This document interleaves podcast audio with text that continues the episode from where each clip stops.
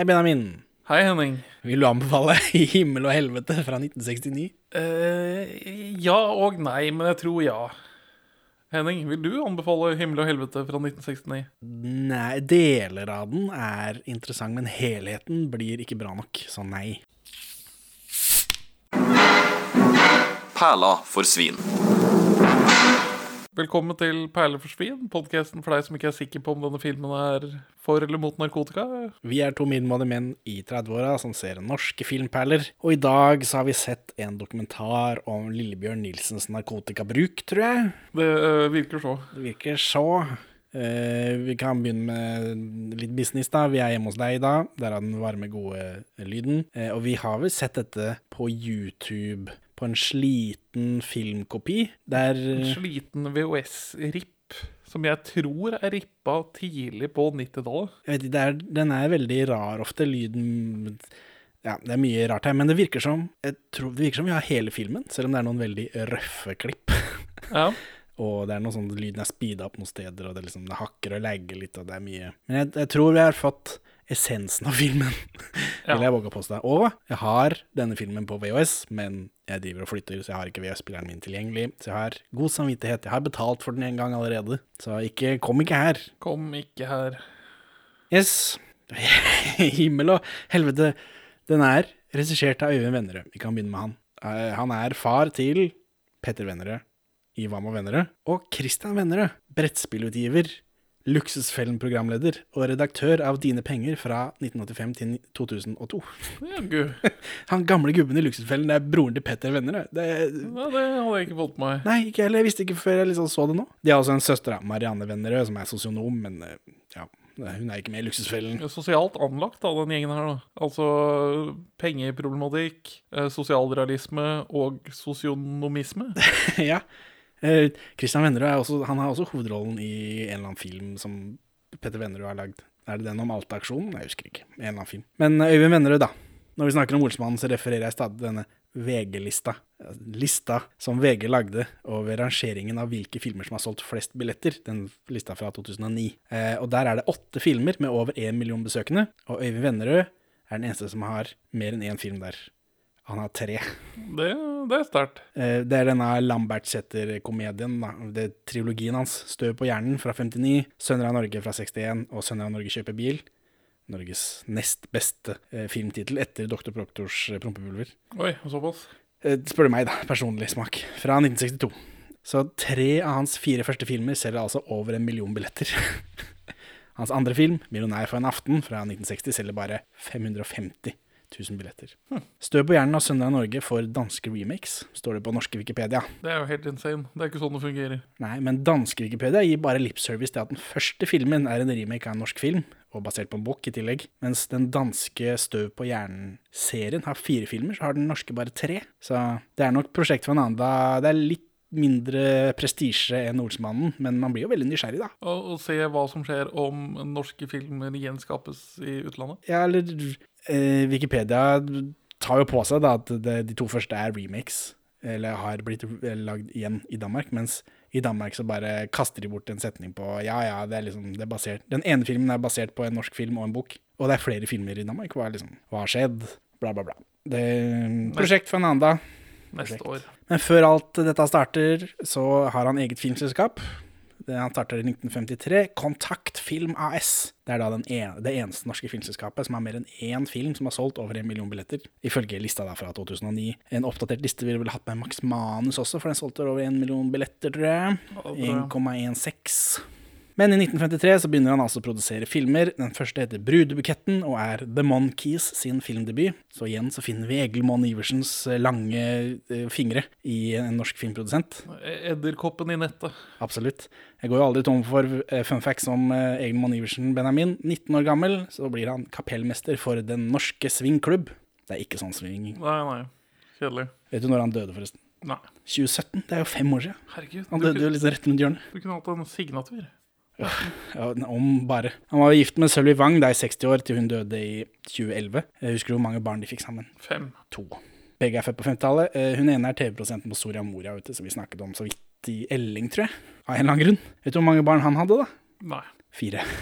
Han var gift i 60 år med Sølvi Wang. De har to barn sammen. Han har fire. Han hadde en ekstra familie. Oi. Han hadde to familier. Oi, han kjørte den øh, drøye løsningen der. Ja.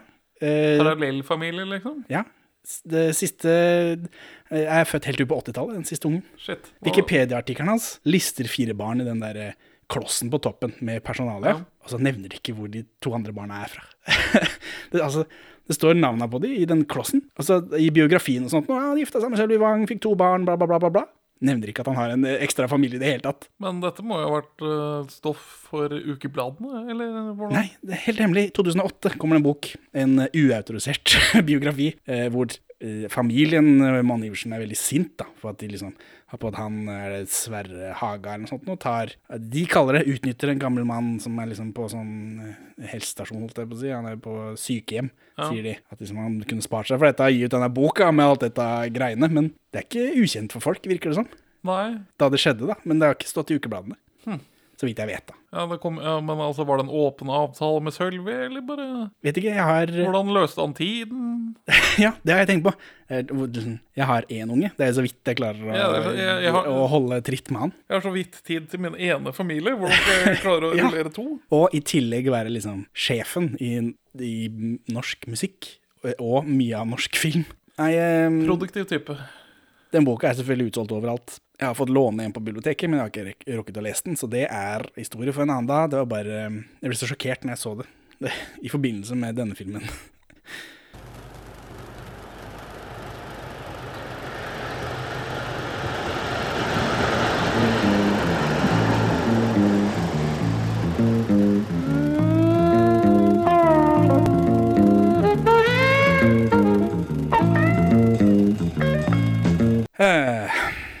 Eh, Kontaktfilm.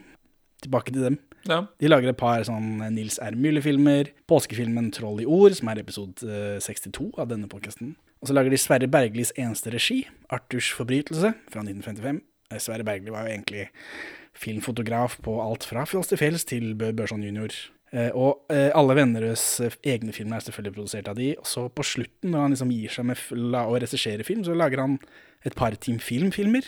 Skulle det dukke opp flere lik her, så er det bare å ringe. Det er produsert av Kontaktfilm. ja. Eh, og balladen om mestertyven Ole Høiland, begge to i 1970. Og den siste filmen de lager, er 'Krasj' med Hanne Krogh fra 1974. Hvor en fyr krasjer på motorsykkel i begynnelsen av filmen, tror jeg. Altså, hvor sitter han i rullestol og syns det er vanskelig. Å ja, så det er den engelske pasienten. Noe sånt. Jeg tror Han forelsker seg veldig i Hanne Krogh, antar, antar jeg. da. Jeg har VHS-en, jeg har ikke sett det ennå. Alle forelsker seg vel i Hanne Krogh. Den heter 'Krasj' med liksom engelsk. Crash. Ja, og så, så, så han begynner å tenne på bilkrasjer. Etter, Det er en annen krasj. oh, ja. Så han tar opp, Vi kan jo bare håpe. Vet jo ikke. han tar opp raseproblemet på en veldig sånn heavy-handed Ja, og dårlig måte. Tredje krasj igjen. Hva faen? Så hvem hadde trodd da at det finnes en norsk krasj før de to andre krasjene? Det, det visste jeg ikke. Dette, dette Sjokk og vantro. Ja, så det er det jeg har på regissør Øyvind Vennerød. Norges mest suksessfulle regissør? Spørsmålstegn. Spørsmålstegn, spørsmålstegn, I solgte kinobilletter, liksom. Ja, det virker jo, virker jo sånn.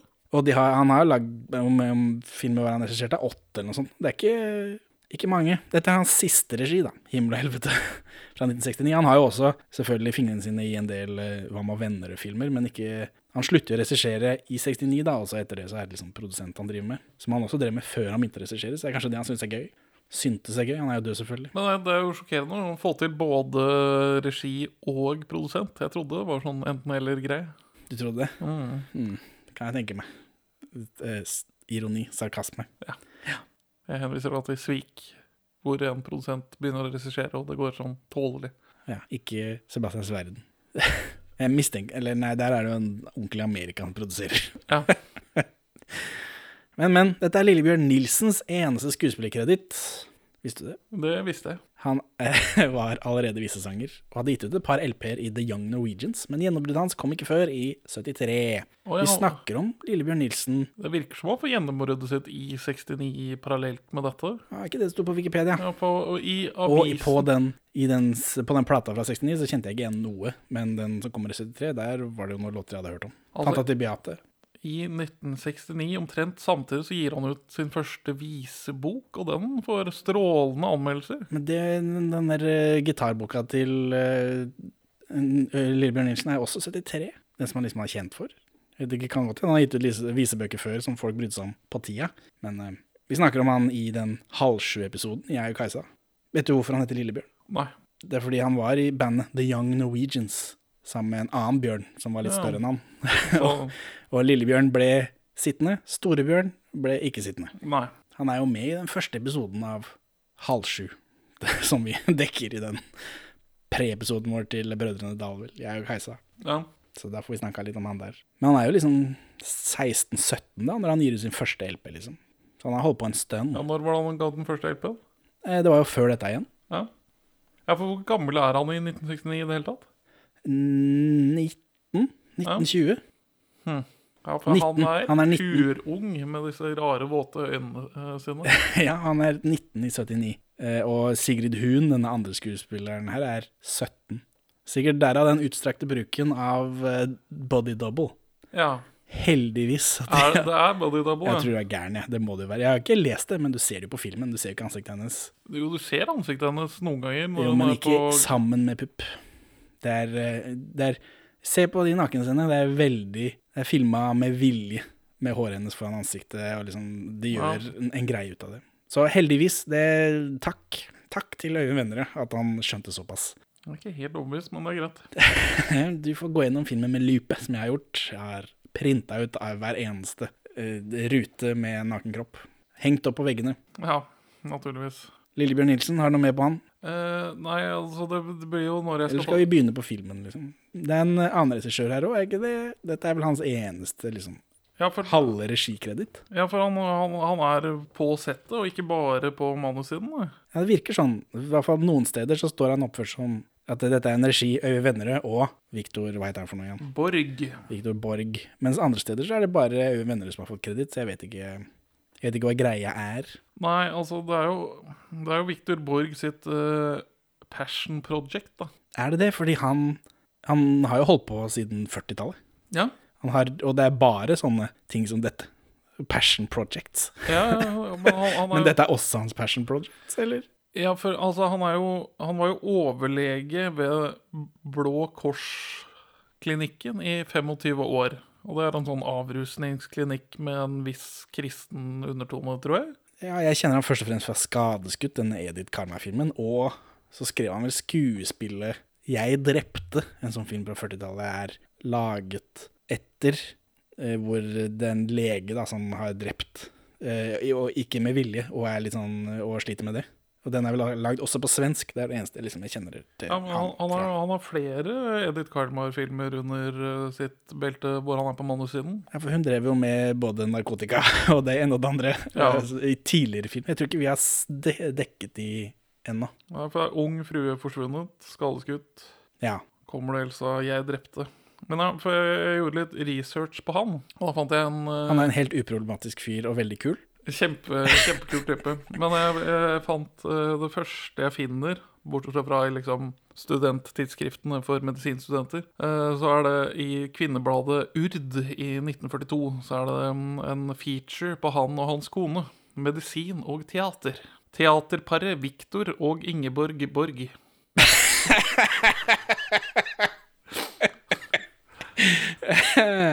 Det er ikke lov.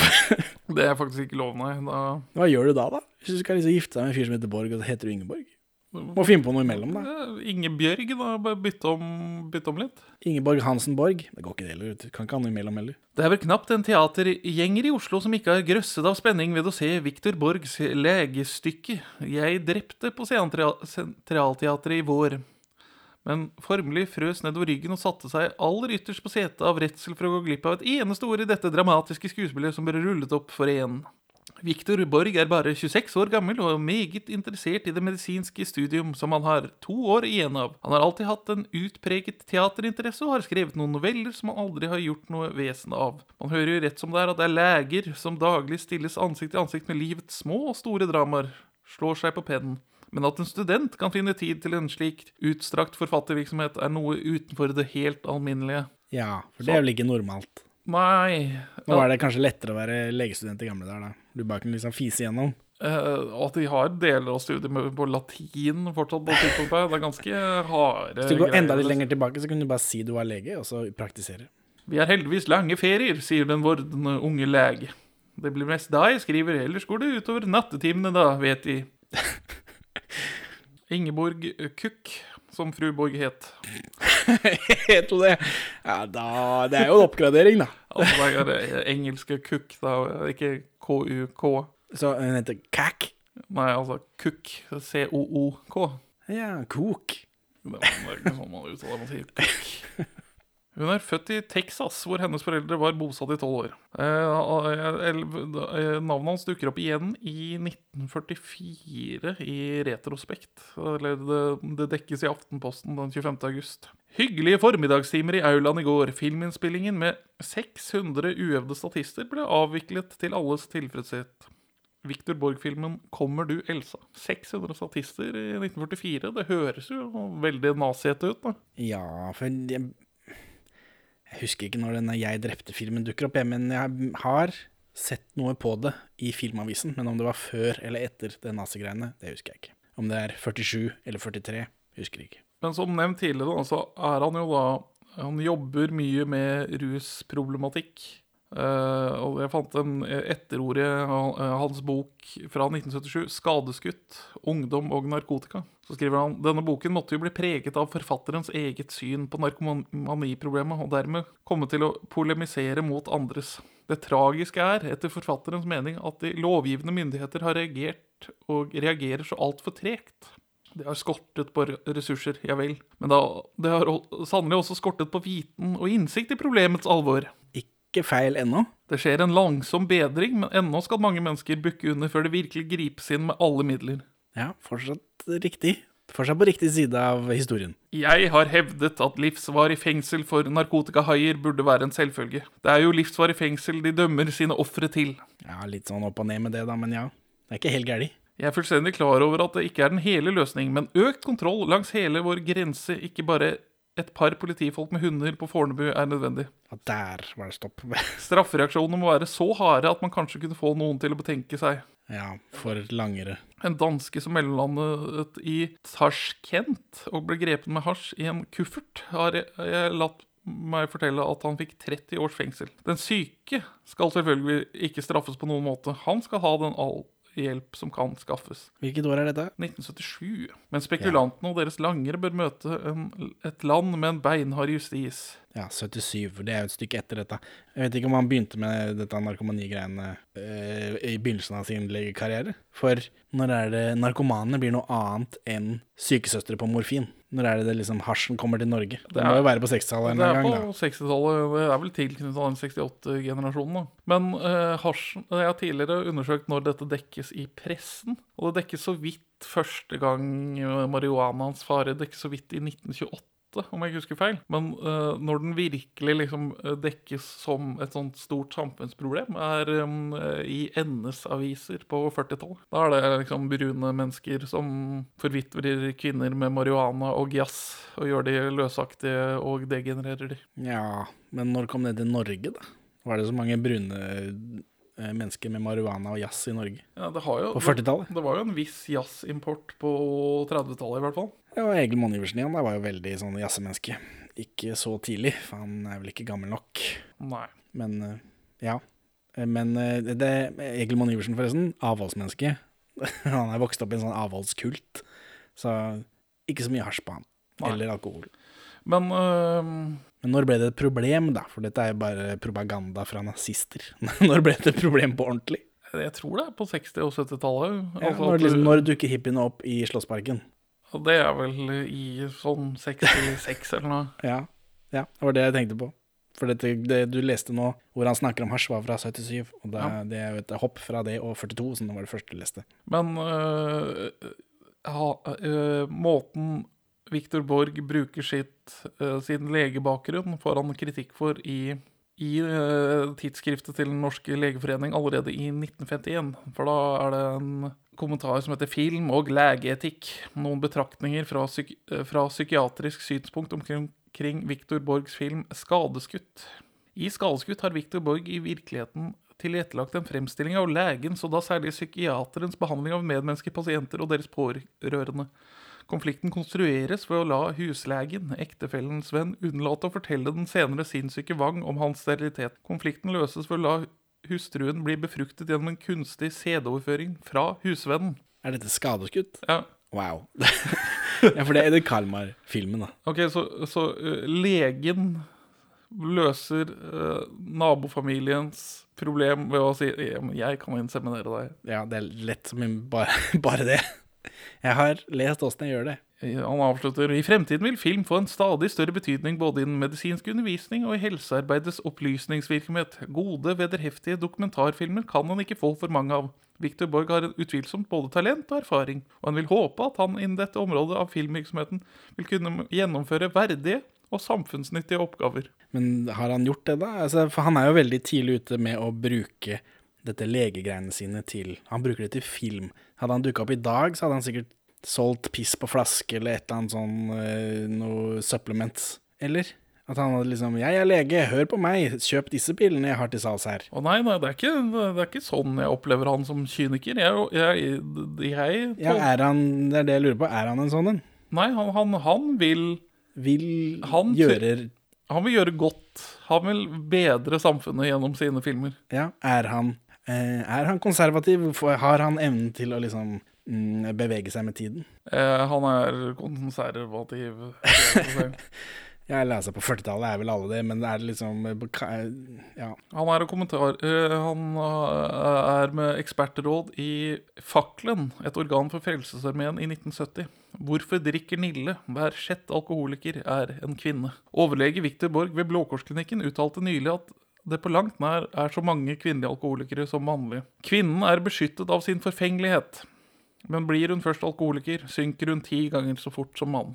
Ja, ja, det, jeg vet ikke, det var kanskje ikke så mye forskning han hadde å, å støtte seg på. Vet du hva 'Hvorfor drikker Nille' en referanse til, forresten? Uh, Jeppe Det er riktig.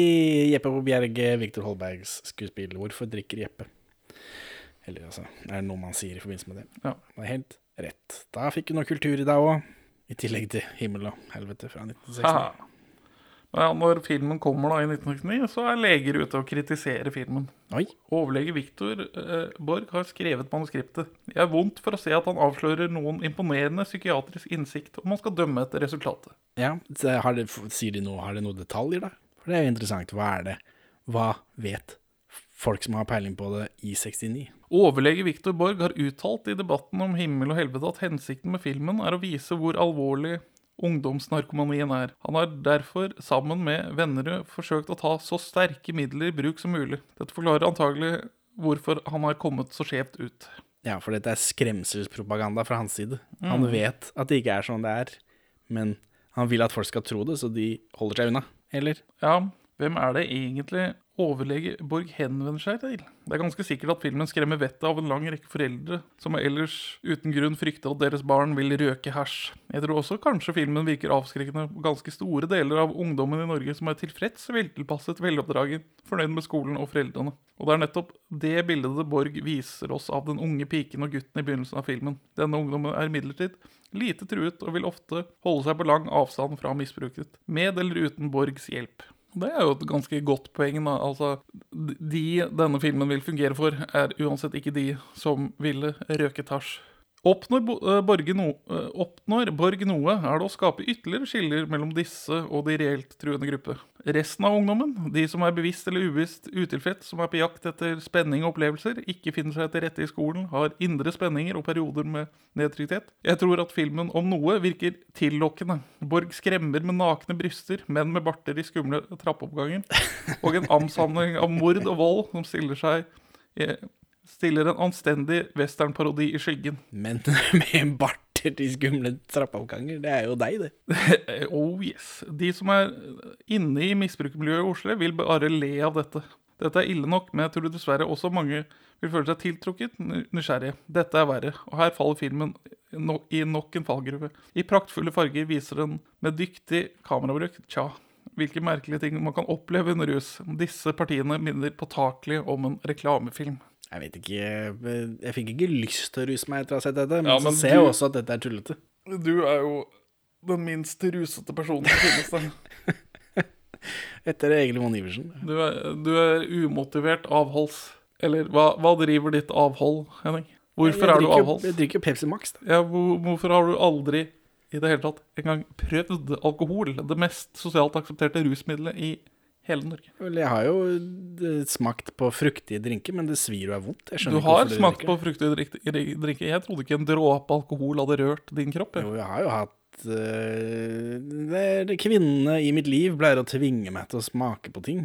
Men du har aldri drukket Det gjør jo vondt. Altså, har- det svir jo. Ja. Her, selv den flotteste liksom, fruktdrink i Syden, og så har du sprit oppi, så brenner du av vondt. Hvorfor skjønner ikke hvorfor folk drikker det? Har du smakt en sånn Long Island Iced Tea? Det vet jeg ikke. Det smaker bare sukker. Jeg vet ikke hva jeg smakte, men vondt var det. Det svir og er ubehagelig. Eh, og så, nei, jeg har ikke noe interesse for det heller. Nå er jeg, jo- jeg har ikke det kommet fra i podkasten før, da. Jeg har jo henvist til at jeg har drukket øl og både en og andre, men det har jeg aldri gjort. Har du det? Ja, jeg sa det vel i en eller annen slengbemerkning for å late som jeg var et ekte menneske. Jeg kan slutte når faen jeg vil, jeg er ikke avhengig av dette. Så han, han andre legen er litt hippere enn Borg, da. Han som ikke er med i filmen, men som anmelder filmen. Ja, syns jeg. Altså, han er, altså, han er litt vel Han er også litt vel konservativ, da, men ikke så aggressivt konservativ som det Borg er. Og han poengterer at det er jo ikke hasj som er det farlige rusmiddelet, det er amfetamin og opiater vi burde bekymre oss for at ungdommen bruker. Ja, men det gjør de jo også i den filmen her. De går jo videre. Hasj er et sånn inngangsdop, pleier de å si. Og Ja. det viser de her, da, uten at de Jeg tror ikke de har ordene. Ja, men det viser jo overgangen da til LSD, som er da enda Men det er noen sprøytegreier òg. Er det det? Ja, ja, ja. I den, i, når de er i København, i den bula der, sånn, så får hun eh, eh, Eva, Sigrid, eh, hun, eh, en sprøyte. Ja, ja, men, Så det er noen sprøyter der òg. ja, men de gjør ikke noe sånn stort poeng ut av det, da. Nei, for det er vanskelig i filmen her å skille mellom hasj, LSD og heroin. Ja. og det er kanskje gjort med vilje. Ja, når Victor Borg dør i 1996, så er det uh, rett over en måned siden sist han hadde et uh, skuespill uh, bli fremført på det åpne teater off Karl Johan. Da viste Prosjekt Borg frem etter bevisets stilling. Prosjekt Borg. Ja, det, jeg klarte ikke å finne noe mer på det, men det virker som han betalte ut egen lomme for å få sine egne spill fremført. Det kan hende. Ja, eh, Angående det å ha flere familier, da, så er eh, dødsannonsen hans er litt interessant. For den starter 'My beloved husband', vår elskede far og bestefar. Hva tenker du på? Nei, al altså det er 'My beloved husband'. Ja, det er, en hilsen, det er en hilsen fra kona, for, fordi hun sn snakker engelsk. Ja, så eh, jeg, jeg søkte henne opp. Og hun er ganske ung den dag i dag. Sari heter denne konen. Det er en annen kone. Dette er en annen kone. Altså hen, hans uh, Inge, Ingeborg Borg. Ingeborg Borg var da født i Texas til norske foreldre. Som Ja. flytter tilbake til Norge. Og han har da fått seg en runde to. Ja, men det er jo ikke uvanlig. Det, er, det uvanlige er å ha de samtidig, og gjemme den ene. Ja, det er sant. Men altså, Viktor Borg skal ha litt cred for at han ikke Han er aggressivt konservativ på narkotika, men han mener at narkomane er syke og ikke kriminelle. Det er ganske hipt. Overraskende hipt for en fyr som har eh, laget en så uhipp film. Ja, men her også, i den filmen her også er det veldig mye liksom pes på at uh, det er ikke de narkomane sin skyld. Samtidig som uh, når vi følger dette paret, da, så blir de jo satt i et litt sånn pussig lys. Men, men hver gang vi ikke følger de, når vi følger denne faren og, og den gjengen der sånn, så da er det liksom eh, De er pasienter, på en måte, eller Ja. de er sjuke. Ja, men også, også er det sånt eh, Det er et sånt rart element av alkoholreklame også inne i filmen, som får sitt eget subplott, vil jeg si. Men det får vi ta når vi kommer til det. Men uansett, eh, skal vi snakke bitte litt om Lillebjørn Nilsen før vi starter på filmen. Ja, jeg har allerede nevnt hvorfor han heter Lillebjørn. Eh, Dagbladets anmeldelse er ganske hard. Fascisme med statsstøtte. ja, men det er jo bare en replikk fra filmen. Er det det? Arne Aas karakter, denne eh, Timothy Leary-fyren, han eh, professoren som snakker varmt om uh, hasjbruk, Ja. han sier at dette antinarkotikagreiene er fascisme, sier han. Ja. Og her kommer det også på film, eller på, i anmeldelsen, som i, uten ironi. Eller? Den anmeldelsen Ja, ja. som kaller denne filmen for fascisme, er uten ironi. Dette er uten ironi. Han mener at dette er propaganda som er fascisme med statsstøtte. Han, han beskylder filmen for politi- og autoritetsdyrking. For så vidt. I himmel og helvete opptrer en tøff og hederlig politimann. I en scene forsøker han å skremme en tilståelse ut av en mistenkt uten å ha noen på han. Mannen protesterer og sier at den andre ikke har rett til å forhøre han, og politimannen snerrer tilbake. Jaså, du kjenner dine rettigheter. Påstanden om politiets maktløshet og dets det underforståtte kravet om, eh, om utvidede fullmakter hamres inn gjennom hele filmen. Og det er jo dagsaktuelt den dag i dag. ja. Det er rart det der at det aldri er en liksom bevegelse andre veien. Himmel og helvete går heller ikke av veien for å propagandere for gjeninnføring av dødsstraffen i scenen hvor den rettferdig oppført, opprørte far sier til den fæle hasjpsykologen, slik som den burde skytes. Vi har ikke dødsstraff i Norge, svarer psykologen, hvoretter den andre, tydeligvis med filmens fulle bifall, slår inn skallen på han med en brevpresse. Ja. det skjer uten Vi får ikke se etterspillet der. Nei, for da er filmen slutt. Det, det, det, det er bare det siste vi ser av det. Av det plottet. Da er det løst. Til slutt avslutter han sin anmeldelse i Dagbladet. Øyvind Vennerød er formann i Produsentforeningen og sitter som dens representant i Norsk Filmråd. Jeg vil oppfordre ham fra å fratra vervet i Filmrådet. Ingen kan nekte produsenten venner å, å slå mynt på et sosialt problem, men hans særegne forretningssans har ikke noen plass i utformingen av statens filmpolitikk. Jeg vil også oppfordre de medvirkende skuespillerne i Himmel og helvete til å ta avstand fra filmen, hvis de da ikke ser på norsk film som utelukkende et middel til personlig PR. Det er vel litt begge deler. Du kan ikke være skuespiller og ikke eh, kose deg med personlig PR. Nei. Da, dette er da 13. september. Eh, en uke senere, 20. september, så fra Lillebjørn Nilsen, som spiller den mannlige hovedrollen i Himmel og helvete, har vi mottatt Ja, Harald Kolstad. Jeg finner å måtte ta avstand fra filmen Himmel og helvete. Jeg vil gjerne være den første av skuespillerne til å innse det. Jeg forstår at filmens fraseaktige miljøskildringer, Klubb 13, er lik Klubb 7, som jeg dessuten Eller Klubb 7? Klubb 7.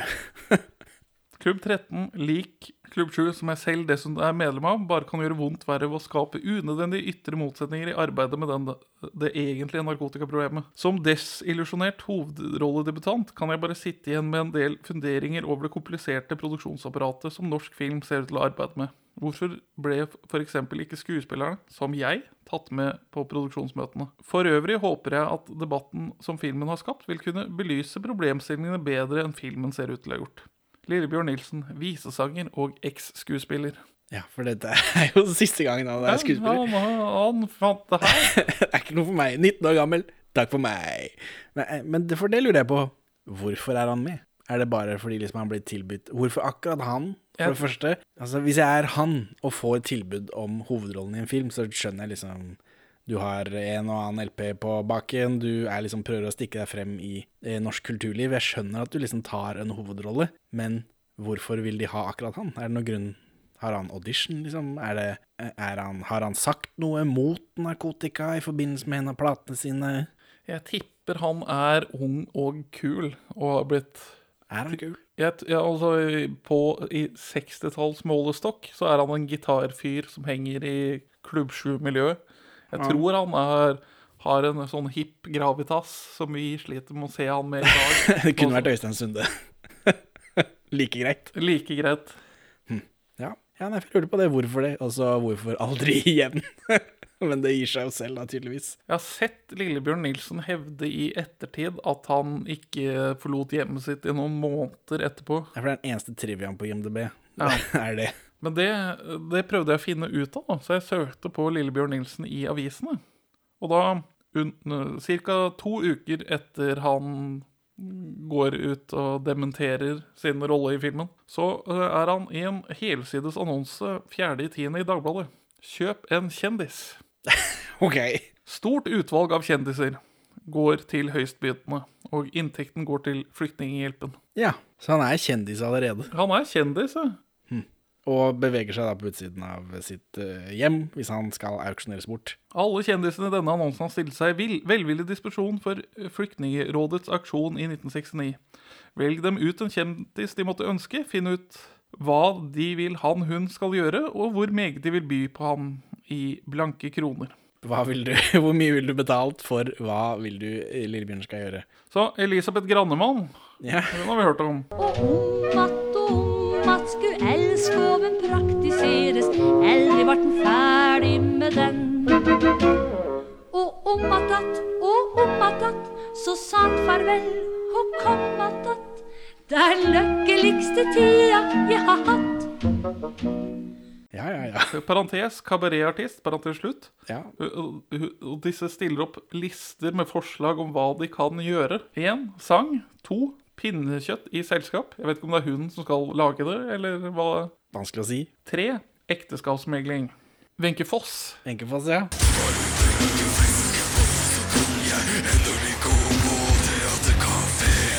skuespillerinne. Én lese dikt. To åpen for gode forslag innen rimelighetens grenser. Og hun er vel Det meste er vel rimelig for henne, si. Kjell Aukrust. Barnevakt. Ja. Åse Kleveland. Jeg vet om en gammel mann Visesangerinne. De er, vise, visefolk er hippe i Ja, 1969. men, det er for det, men den eh, annonsen, eller hva det er for noe, den viser jo da at Lillebjørn Nilsen i 69 er kjendis og eh, driver med saker. Dette er jo Flyktninghjelpen, da. Men Ja. liksom, så det, det hjelper jo å vite da, at, det, at det, det hjelper på puslespillet. Hvorfor er han med i himmel og helvete? Han bryr seg om saker. Narkotika er tydeligvis en sak, og han er kjendis. Som er vanskelig for oss å vite her i 2022. Nå er det jo tydelig, da. Eh, lista til Åse Kleveland. Én underholdning. To privatsjåfør. Tre et eller annet med bil. Et eller annet med bil. Jeg, vet, jeg visste ikke at hun var sånn bil-Berthe. Nei, ikke jeg heller. Arve Oppsal. Arve Oppsal. Jeg skal si deg en ting, jeg, sa han. Jentene i Lisboa har ikke noe mer å fare med dem enn jentene i Oslo har. Nei, jeg veit det, sa jeg, men det de har, det har de jo her i Lisboa, sa jeg.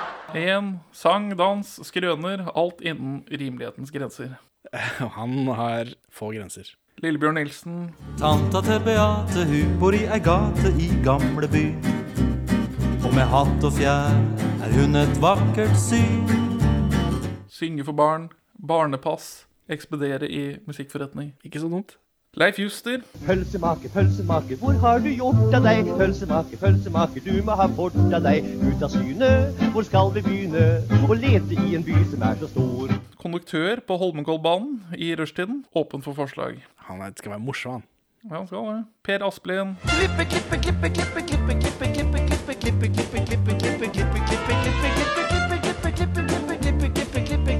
klippe, klippe, klippe, klippe, klippe, klippe, klippe, klippe, klippe, Nå må du klippe, klipp, klipp. Som er uh, top billing her for øvrig. Per Asplin. Ja. 60-tallet, altså. Underholdning, auksjonarius, konferansier. Ikke at han ikke er noen, men topp billing av Wenche Foss og Leif Juster. Eh, eh, bare et par dager etterpå så har folk bydd samla 22 000 kroner på disse kjendisene. Eh, Wenche Foss er den mest populære, det foreløpige budet på 5000 kroner. 5000 kroner for en aften med Wenche Foss. Mm, og det er er ikke så verst. 1000 kroner bydd for eh, Lillebjørn Nilsen, så han har jo en del pull. Ja, men det er jo bestemora hans, da. Leif Juster er- ligger budet bare på 2000 kroner. Men Leif Juster stiller opp og er konduktør på Holmenkollbanen. Så det er en sånn stor sånn bildeartikkel i Dagbladet senere. Morsom mann. Og Dagbladet tar en forbrukertest av Kjell Aukrust som barnevakt, og har en artikkel om og bilder av Kjell Aukrust som barnevakt. Her, De er jo- anmelder. Det er, eh, de kan jo lage content i Dagbladet også. Ja, men dette, dette føles jo veldig nært hvordan det er å være kjendis i Norge i dag. Ja, Fire pjoltere sporløst borte under Dagbladets forbrukertest. Så, så han som barnevakt. ja, det, det er bilde av Kjell Aukrust som uh, drikker mens han passer på et spedbarn. det er bare Ja. Hm. Det, Ja ja, men Lillebjørn Nilsen, altså. Kjendis i 1969. Har hjerte for saker. ja. Og ferdig med filmens verden. Har han, ja, nå ja. Men har han sagt noe etter 2000 om denne filmen, eller? Ikke som jeg fant sånn på stående fot. For det er jo en del ganske mere sleskete plakater fra utlandet. For denne filmen er jo eh, vidt distribuert, tydeligvis. Ja. Til Italia og Serbia og masse steder. Hvor fokuset på plakatene er kanskje mer på eh, de syndige sidene med denne filmen. Ja, For dette er vel en exploitation-film? Ja, Det er jo det det. er det. Det er det. Og det, sånn selges det også i utlandet. Eh, Ikke så mye i Norge, kanskje. Men eh, det det hadde jo vært eh, Jeg har jo eh, investert i en av disse plakatene, og eh, jeg er veldig skeptisk på om Lillebjørn Nilsen har lyst til å signere den. Ja, men det er Tør jeg å liksom gå opp til Lillebjørn Nilsen og spørre Unnskyld meg, denne eh, særdeles sleskete plakaten, vil du signere den? Du var jo tross alt med, og har traumer da, tydeligvis. Ja, nei, jeg ville, jeg ville prøvd. Jeg vet ikke, vet ikke om jeg tør. Hun øh, hovedrolleinnehaveren her, Sigrid Hun, psykolog og komiker. øh, psykolog og komiker.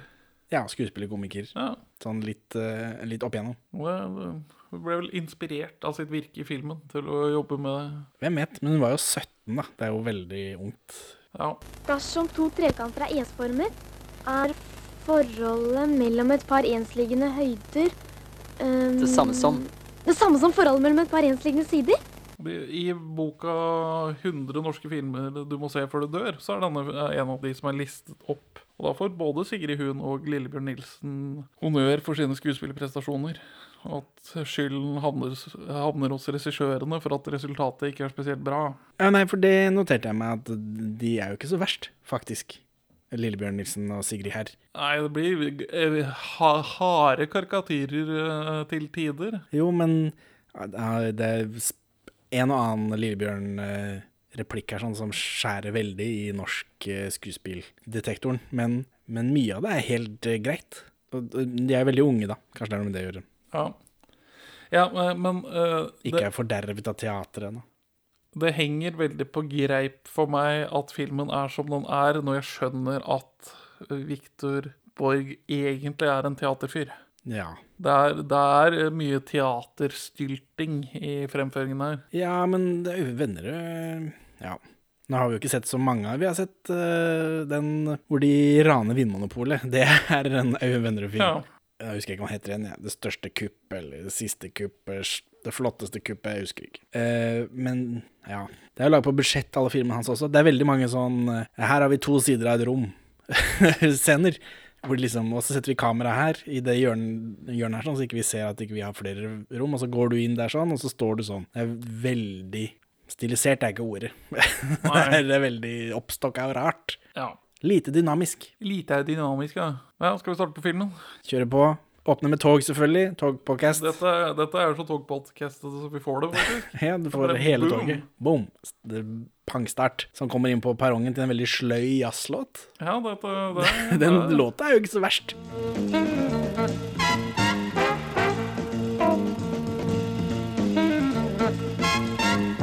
You must consider this to be one of your chances to meet the freedom of your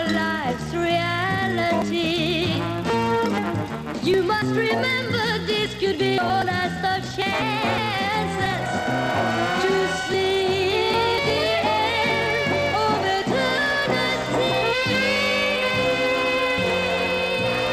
Eh, Heaven and Hell Ja, av av Inger Lise Rypdal. Inger Lise Andersen, står det. Inger Lise Andersen. Det er før hun gifter seg med Rypdal. da. Oh yeah. Hun, Inger Lise Andersen er jo kjent som enhjørningen i første sesong av Maskorama. Det regner jeg med. Det er derfor hun er kjent? Ja. Eller? Det, det, ikke se på meg. Jeg, Og hun er søstera til May-Britt Andersen. da. Hun slår gjennom året før med Romeo og Julie og den Fru Johnsen-låta. Fru Johnsen har du hørt? den har jeg hørt.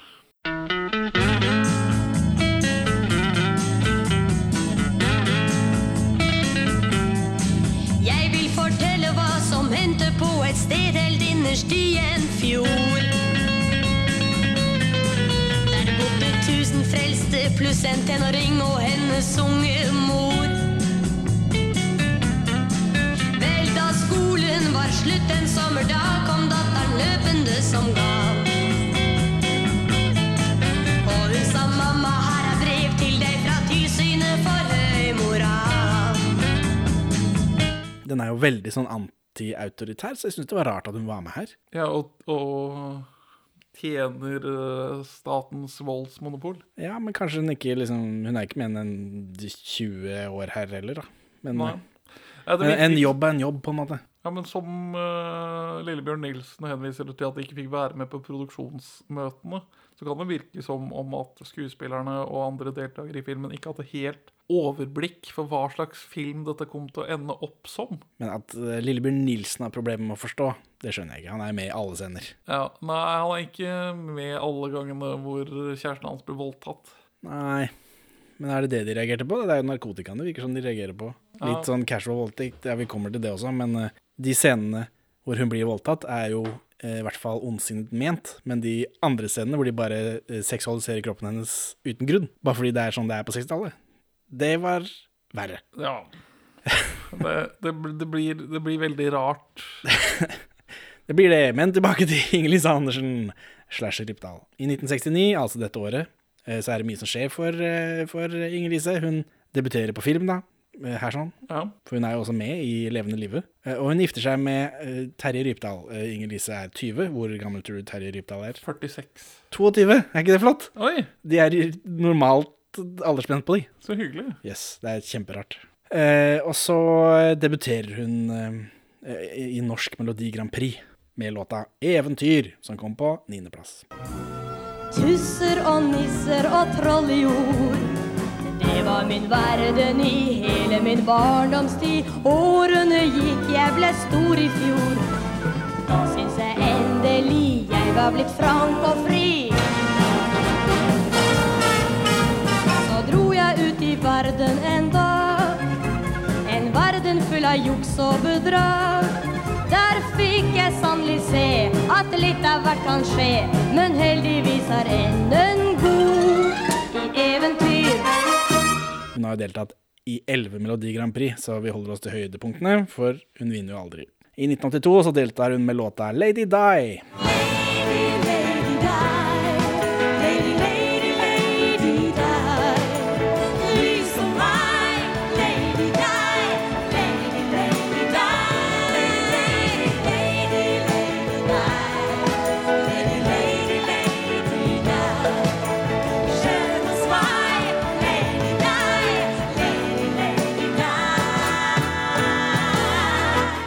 Som bare er interessant fordi du har nevnt det før. Ja. Da teksten er skrevet av Lars Mjøen, gladgutten Lars Mjøen. Og melodien er lagd av Nissa Nyberget. Og du var vel desperat etter å nevne at Nissa Nyberget har en bar i Thailand? Ja, som han gir ut musikk og livefremførelse fra. Ja, eller han har jo en bar i Thailand, da, så når han er i Thailand, så spiller han der. Det er greit å eie sin egen scene, på en måte, hvis Ja. man er eh, underholder. Den låta kom på andreplass I den hele og store konkurransen. I den norske finalen. Eller den gangen så var det bare én sending. I 1976 så deltar hun med sangen 'Voodoo' sammen med Jahn Teigen. Og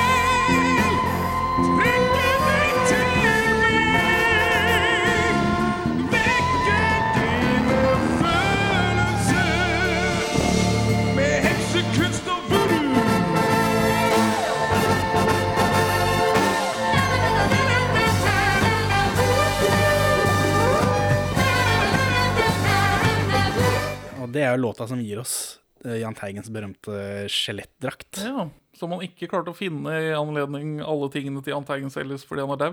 Den har vært borte lenge, for de har etterlyst den flere ganger. Når han skulle inn i dette Rockheim-museet i Trondheim, f.eks. Nei, finner han ikke. Det er sånn, Kanskje annethvert år så er det en sånn artikkel i VG om at han ikke finner den dressen. Så Det det var heller ikke da, når de liksom rydda opp etter, etter at han hadde rusla. Eh, Den kommer også på andreplass, da, så Jahn Teigen har ikke brukt den skjelettdrakta i internasjonal Grand Prix. I 1973 så synger hun 'Å, for et spill', som ender på førsteplass.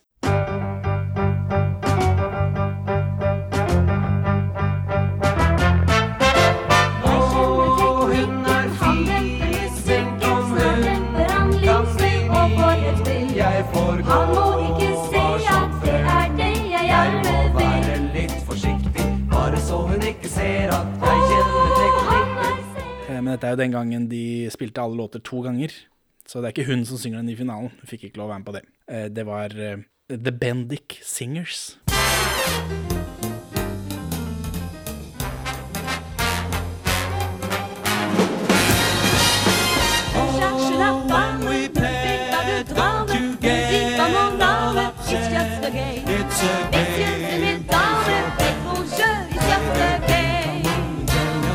Game. of girl and boy som tar låta til Luxembourg, for det er jo I begynnelsen av Melodi Grand Prix så tror jeg alle finalene er i Luxembourg av en eller annen grunn. Ja, det er der radioen er. Det, det er sant. Radio Lux. De synger en oversatt versjon da, eh, til eh, engelsk, og det står på Wikipedia at de har én strofe fra hvert deltakerland. For dette var første året de hadde fjerna regelen om at eh, hvert land måtte synge på sitt eget språk. Ja, Men den regelen ble gjeninnført da i 77, og så ble den fjerna for godt i 99.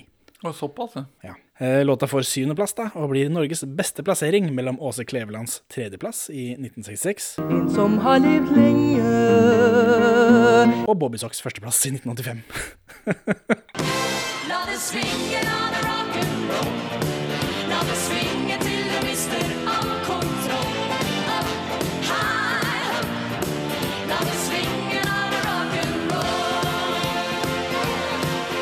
Så syvendeplass er altså det beste vi får mellom 66 og 85. Gratulerer, Norge. Åse Kleveland igjen, forresten. Vi har Åse Kleveland i begge våre eh, notater her. Ja, faktisk. Ja. Eh, I den norske finalen, så blir et av, eh, i 73, da, så blir et av bidragene disket allerede før finalen, da det ble oppdaget at låtskriveren var fra Nederland. For den gangen så måtte alle komponistene være norske statsborgere. Så, så tygg på den. Uansett da, så har vi sett Inger-Lise Rypdal som Molly i Over grensen i episode 86. Husker Ja, du det? det husker jeg. Herregud. Herregud. Men dette er altså hennes debut, filmdebut, da.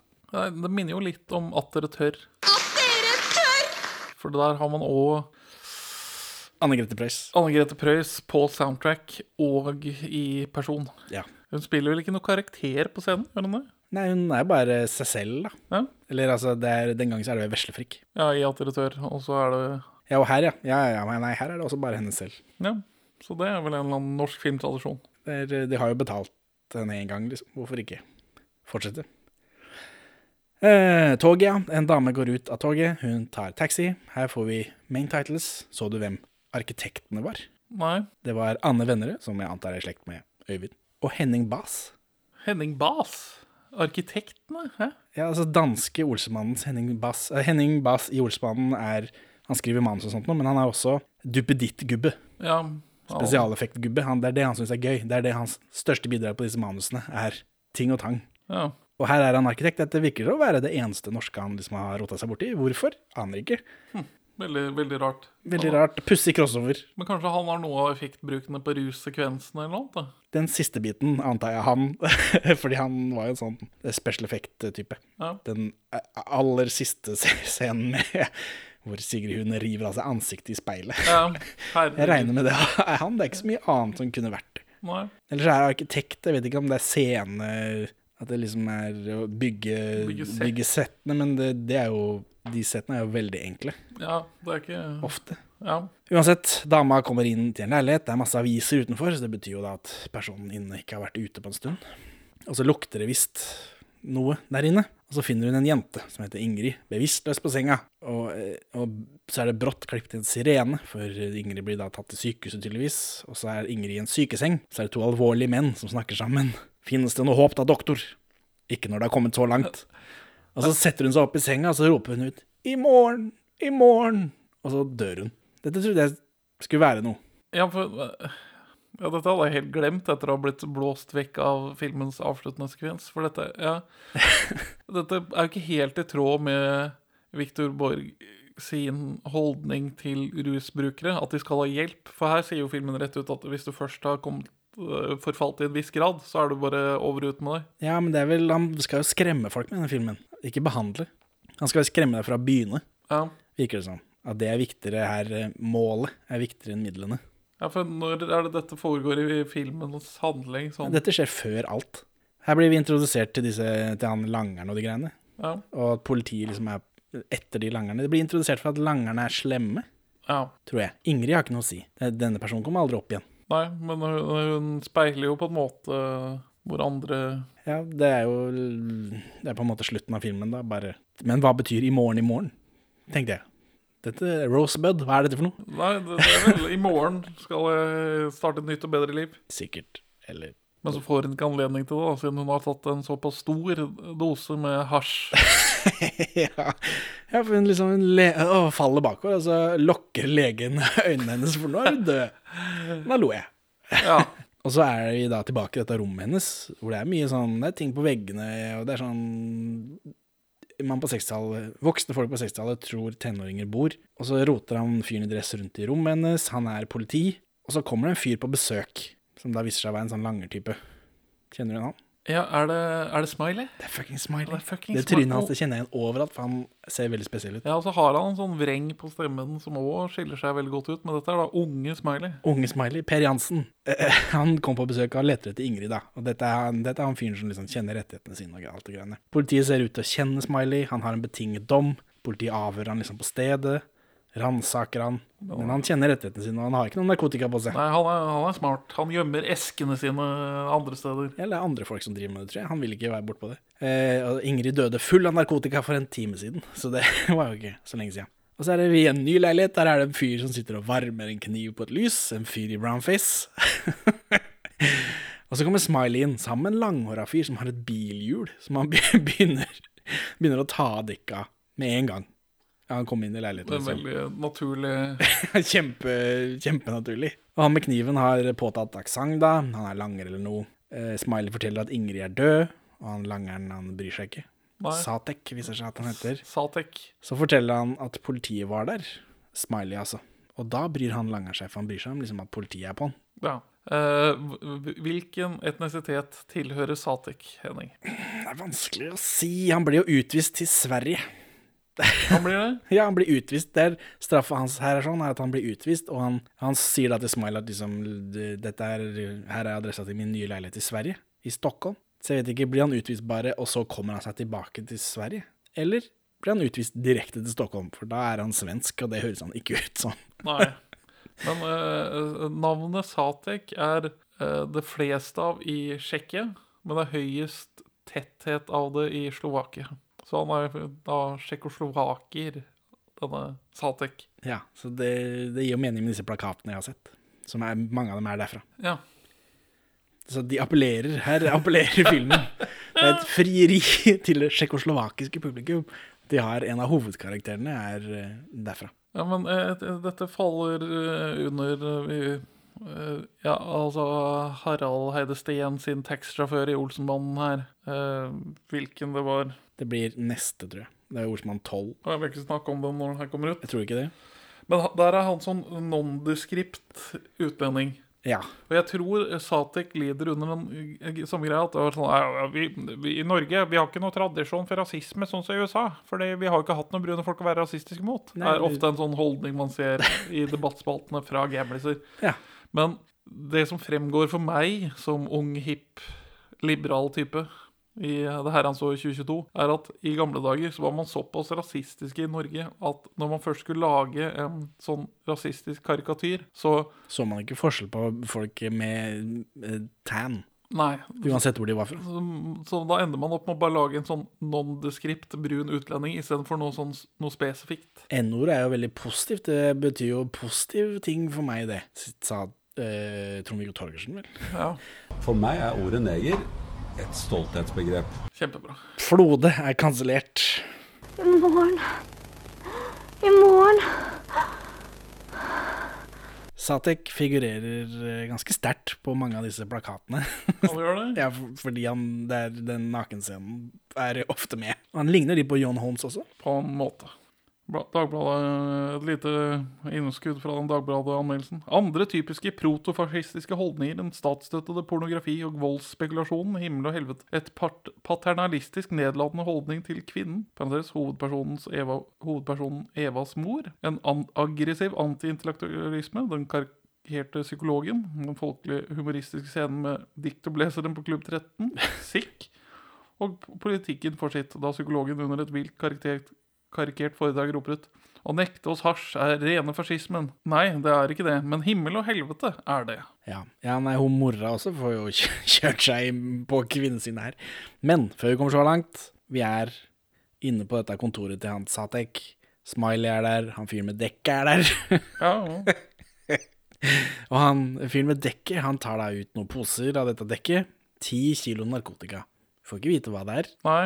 Men eh, eh, det er noe brunt da, i kloss, så det er jo enten heroin eller hasj. Det Viser seg vel å være hasj til slutt. Ja. 12 000 kroner får han vel for det. For 10 kilo. Eh, Men det virker som det er det han får for å frakte det, for han sier du må ta en tur til. Så det virker som Sateken liksom er sjefen, og sender han, eh, han langhåra slasken rundt. da. Og så banker det på. Hvem er det som kommer inn da? Tilfellet Anders. Ja! Det er Svein Hugnes.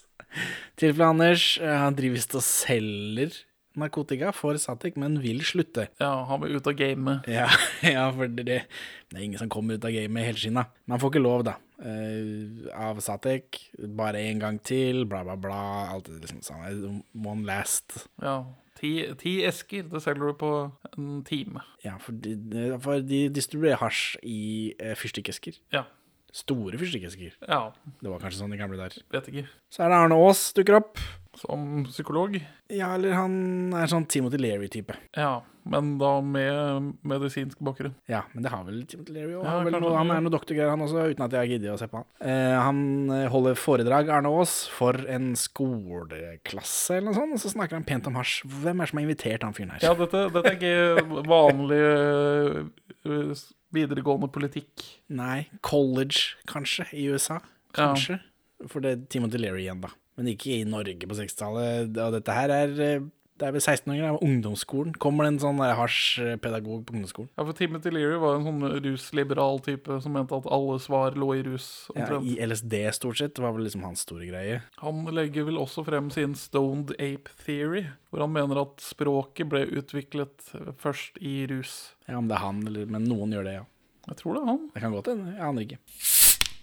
Hei, det er meg, Perler for svins fact-check-robot. Stoned Ape Theory. Ble lagt frem i 1992 av Terence McKenna. Mens Timothy Leari var mest aktiv på 60- og 70-tallet. Den er også avkrefta. Og her får vi se Lillebjørn Nilsen for første gang, da. Purunge Lillebjørn Nilsen. Med kjempestore gråteøyne.